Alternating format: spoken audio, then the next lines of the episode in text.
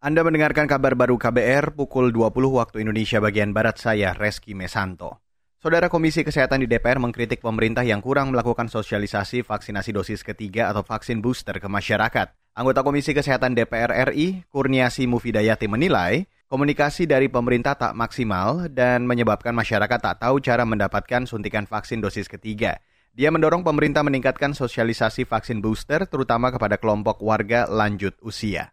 Saya rasa memang urgensi dari vaksin booster ini masih belum maksimal ya. Sosialisasinya komunikasinya masih belum maksimal dan masih banyak yang belum tahu juga harus vaksin ke mana. Kan banyak belum ter, belum ada informasi. Misalnya dapat undangan di tiket ya tapi tiket untuk vaksin ketiga. Tapi tidak ada penjelasannya bisa vaksin di mana. Jadi masyarakat juga bingung mau vaksin di mana gitu. Jadi ini harus clear informasi-informasi ini harus jelas dan terus menerus harus di apa disampaikan Anggota Komisi Kesehatan DPR, Kurniasi Mufidayati menyarankan pemerintah melibatkan tokoh masyarakat agar warga lansia bisa segera mengikuti vaksin booster. Ia juga meminta pemerintah menyelesaikan target vaksinasi lengkap yang sampai saat ini belum tercapai. Menurutnya, masih ada 50 persen kota dan kabupaten yang belum menyelesaikan suntik vaksinasi COVID-19 hingga dosis kedua, sehingga vaksinasi booster tak bisa diberikan untuk daerah tersebut. Kita beralih ke Papua. Saudara Lembaga Bantuan Hukum atau LBH Papua mendesak markas besar kepolisian segera menarik pasukan yang menduduki sejumlah sekolah di Kabupaten Yahu Kimo, Provinsi Papua. Direktur LBH Papua, Emmanuel Gobay, mengatakan, pendudukan sekolah oleh aparat kepolisian menyebabkan banyak siswa tidak bisa mengikuti kegiatan belajar mengajar.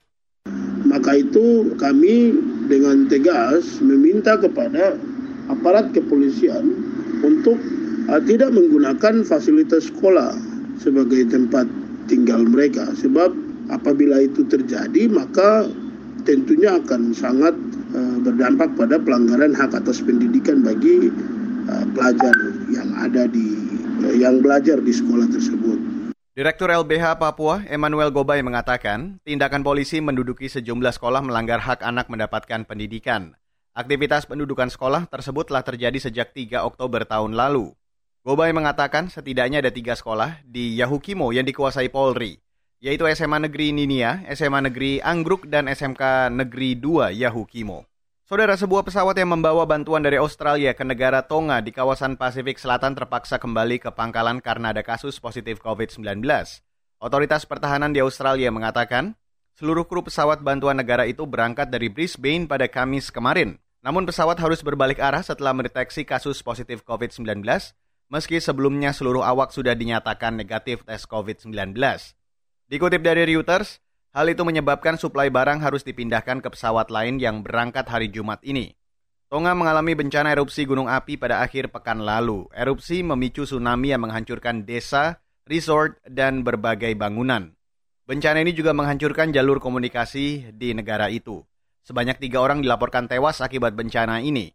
Sejauh ini Tonga merupakan negara yang bebas COVID dan memiliki kebijakan perbatasan ketat.